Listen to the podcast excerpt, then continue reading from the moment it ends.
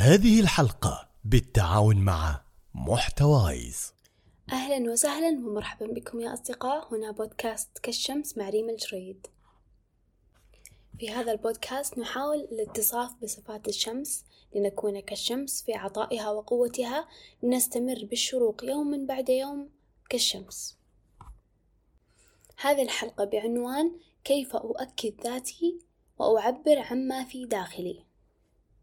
وقبل ما نبدأ الحلقة لازم نعرف إيش معنى تأكيد أو توكيد الذات.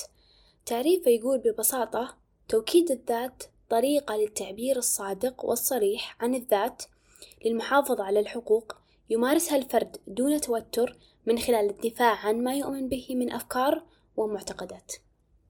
وهذا هو باختصار إنك أنت تقدر تقول عن اللي في داخلك بصراحة وبراحة وما تتوتر مهما كان الشخص اللي قدامك ومهما كان الموقف أنت دائما بتكون ثابت وعارف كيف تعبر عن ما في داخلك. طيب إيش حال المجتمع حاليا مع توكيد الذات؟ وكيف إحنا أو إيش إحنا تربينا عليه من يوم كنا صغار؟ وإيش وصلنا له مع موضوع توكيد الذات؟ تربينا على الاحترام والاحترام شيء جدا رائع وهذا يدل على ثقافة المجتمع.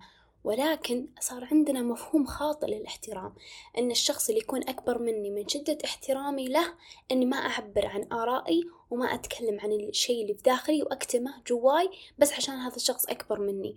مع العلم أن كل الأشياء اللي إحنا نعتقد أن إحنا أخذنا منها مصدر هذا الشيء أو هذا التصرف اللي إحنا تصرفناه من هذه المصادر اللي هي سيرة النبي محمد عليه الصلاة والسلام. النبي محمد عليه الصلاة والسلام ما كان يتعامل بهذه الطريقة وما كان يعلم الصحابة رضي الله عنهم أنهم يتعاملون أيضا بهذه الطريقة. إحنا للأسف كمجتمع تربينا على كبت المشاعر. الشيء اللي بداخلي سواء كان حلو أو سيء ما أعبر عنه. بل بالعكس مرات للأسف الشيء الكويس نخبيه والشيء السيء نطلعه.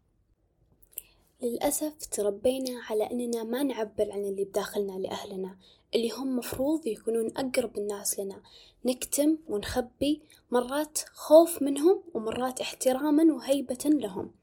وأقصد بالشيء اللي في داخلنا المشاعر وأيضا الآراء.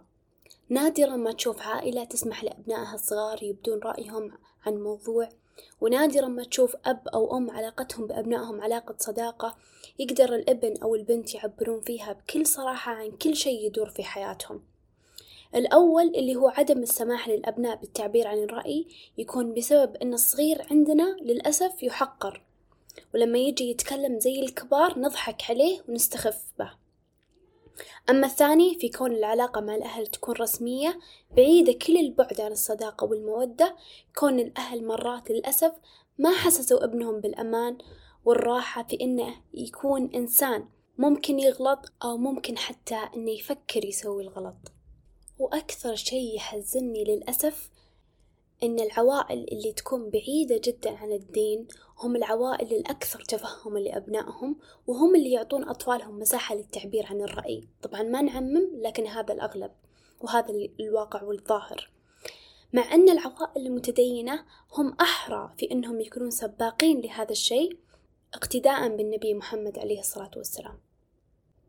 نتج عن هذه التربية ثلاثة أصناف. الصنف الأول هو الشخص الشرس العنيف. اللي يجي يعبر عن اللي بداخله بأسلوب جدا سيء وما يهمه أحد وهذا الشخص علاقاته ما تستمر ولكنه دائما يأخذ حقوقه. أما الصنف الثاني هو السلبي اللطيف وهذا النوع سلبي لأبعد درجة ما يدافع عن نفسه ويسايس الناس دايما ويمشي معاهم في كل شيء حتى على حساب نفسه.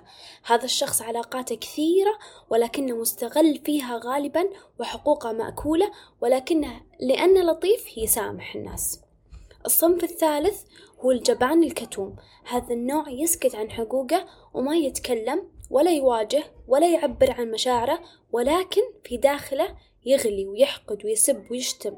مرات حتى يروح ويغتاب ويتكلم من وراء الأشخاص كله خوف من المواجهة. وعن نفسي للأسف كنت بين الصنف الثاني والثالث. مرات أكون لطيفة وأسامح ومرات أحقد وأسب في داخلي كله عشان ما أواجه. ومع الحياة والخبرة والقراءات صرت أقدر أعبر عن آرائي ومشاعري عند الناس الغرباء. ولكن للأسف عند الناس اللي أحبها خوفا مرات من إني أخسرهم. إذا تضايقت من تصرف أو من شيء أكتم في داخلي وأحرق نفسي من جوا فترة إلين بعد ما أفكر بالموضوع ألف مرة في راسي. تجيني الجرأة هنا إني أتكلم وأعبر عن اللي بخاطري للشخص أو للطرف الآخر. طبعا كل هذا كان متعب جدا جدا. بعد هذا كله تعلمت أن الكتمان والتغافل الدائم هو عدو العلاقات المقربة. هو صح بيمشي علاقتك العامة في العمل وغيرها وهو جدا ممتاز مع العلاقات السطحية مع الناس اللي ما راح تشوفهم كثير لكن مع الناس القريبة سواء صديق أو زوج أو أخ التغافل مرة على مرة والسكوت بيوصلك مرحلة تخليك تكره الشخص وتتغير عليه فجأة. هذا غير التعب والقهر اللي في داخلك لأنك سكت بس أفكارك ما عمرها سكتت. في مدرسة النبي محمد عليه الصلاة والسلام أمثلة كثيرة عن تأكيد الذات ولكن الآن بذكر لكم مثالين. المثال الأول أن النبي محمد عليه الصلاة والسلام أوتي بشراب فشرب وعن يمينه غلام وعن يساره الأشياخ. فقال للغلام إن أذنت لي أعطيت هؤلاء. فقال ما كنت لأؤثر بنصيبي منك يا رسول الله أحدا فتله في يده. أي أعطاه قبل الأشياخ. والأشياخ معناها الأكبر سنا. ويدل هذا الحديث على أن النبي محمد عليه الصلاة والسلام استأذن من الصغير لأن هذا دوره وحق من حقوقه. ما همشه ولا حقره لأنه صغير لأنه لا يوجد في الإسلام صغير كلنا كبار عند الله بإيماننا. أما المثال الآخر فهو عن أبي سعيد الخدري رضي الله عنه عن النبي محمد عليه الصلاة والسلام قال إياكم والجلوس في الطرقات فقالوا يا رسول الله ما لنا من مجالسنا بد نتحدث فيها فقال رسول الله عليه الصلاة والسلام فإذا أبيتم إلا المجلس فأعطوا الطريق حقه فرغم أن إياكم تحذير شديد في اللغة العربية إلا أن الصحابة أمنوا ردة فعل النبي محمد عليه الصلاة والسلام فسألوا واستفسروا منه لأنهم يعلمون أن من حقهم السؤال والاستفسار ولا عيب في ذلك طيب كيف نستفيد من هذه الأمثلة في حياتنا؟ أول شيء تذكر أن مع الثلاث أصناف اللي ذكرناها قبل شوي اللي هي الشرس العنيف واللطيف الضعيف والجبان الكتوم يوجد صنف رابع يمثل الاستفادة من مدرسة محمد عليه الصلاة والسلام في توكيد الذات ألا وهو القوي المصلح. عنده صراحة وسماحة وإصلاح يستطيع أن يعبر عن آرائه ومشاعره وأي شيء في داخله بأدب واحترام ويسامح لو في أحد أخطأ في حقه ولكنه ما يسكت ويعلم الشخص الآخر إنه أخطأ حتى ما يكرر الخطأ في المرة القادمة. ما يفكر بنفسه أبدا. مثلا لو راح مطعم وجابوا له مثلا بيتزا خضار وهو كان طالب بيتزا جبن لنفرض هذا الشيء. فهو يخبر العامل إن في خطأ صار حتى لو ما قدروا يعدلونه. نفرض إن المطعم جو, جو قالوا له إنه مع الأسف ما نقدر نعدل لك إنه أنا معليش غلطت في الطلب ولكن لو بعدل لك الطلب آه، بينخصم من راتبي. فهو يسامحه يقول خلاص ما في مشكلة أنا بسامح. ولكن أرجو أن الخطأ هذا ما يتكرر مرة ثانية. حتى لو كان هذه المرة هو بياكل بيتزا الخضار لكن كأنه قاعد يفكر بغيره عشان المرة الجاية الناس تأكل طلباتها صحيحة والعامل يركز في كتابة الطلبات بشكل أفضل. فهو شخص ما يفكر في نفسه فقط. هدفه الإصلاح لنفسه ولغيره. حتى لو ما هو بيستفيد ذا المرة بيعرف أن في شخص بيستفيد. ودايما يمشي مع كلام النبي محمد عليه الصلاة والسلام حين قال حب لأخيك ما تحب لنفسك. وقيس على مثال المطعم أشياء كثيرة. أنت لا تسامح الناس قبل ما تتكلم. أول شي تكلم وبين أن في خطأ ثم نسامحهم. عشان إذا ما نبهت عن الخطأ في شخص ثاني بيتضرر غيرك. قسوا عليها أشياء أكبر في الحياة. بهذا الشخص اللي ما يسكت ويتكلم ويعبر عن الخطأ تصلح المجتمعات. ثانيا لازم نعرف شروط التغافل والتعبير للناس القريبة من قلوبنا. ثلاثة شروط. إذا توفرت لازم تتكلم لو ضايق شيء من الطرف الآخر. واحد شيء يقدر الطرف الآخر يغيره.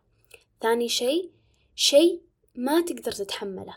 ثالثا شيء دايم يتكرر ويزعجك. والعكس للشيء اللي تتغافل عنه.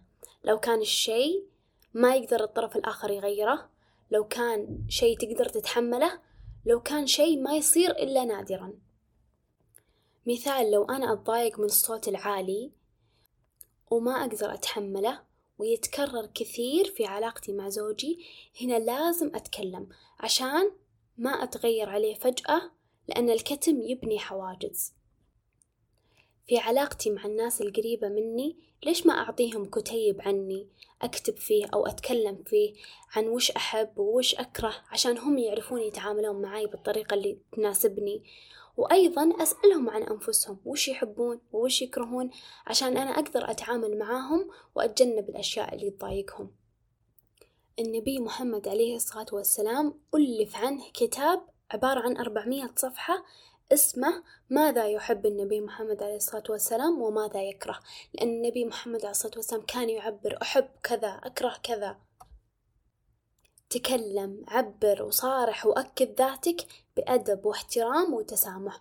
وتذكر أن المؤمن القوي خير وأحب إلى الله من المؤمن الضعيف. ولا تنسى تعطي الناس مساحة في أنهم يعبرون ويتكلمون ويصالحون وتخلي صدرك وسيع مع الكل خاصة إذا أنت مربي سواء أم أو أب. اكسب الناس بفتح قلبك وآذانك لهم.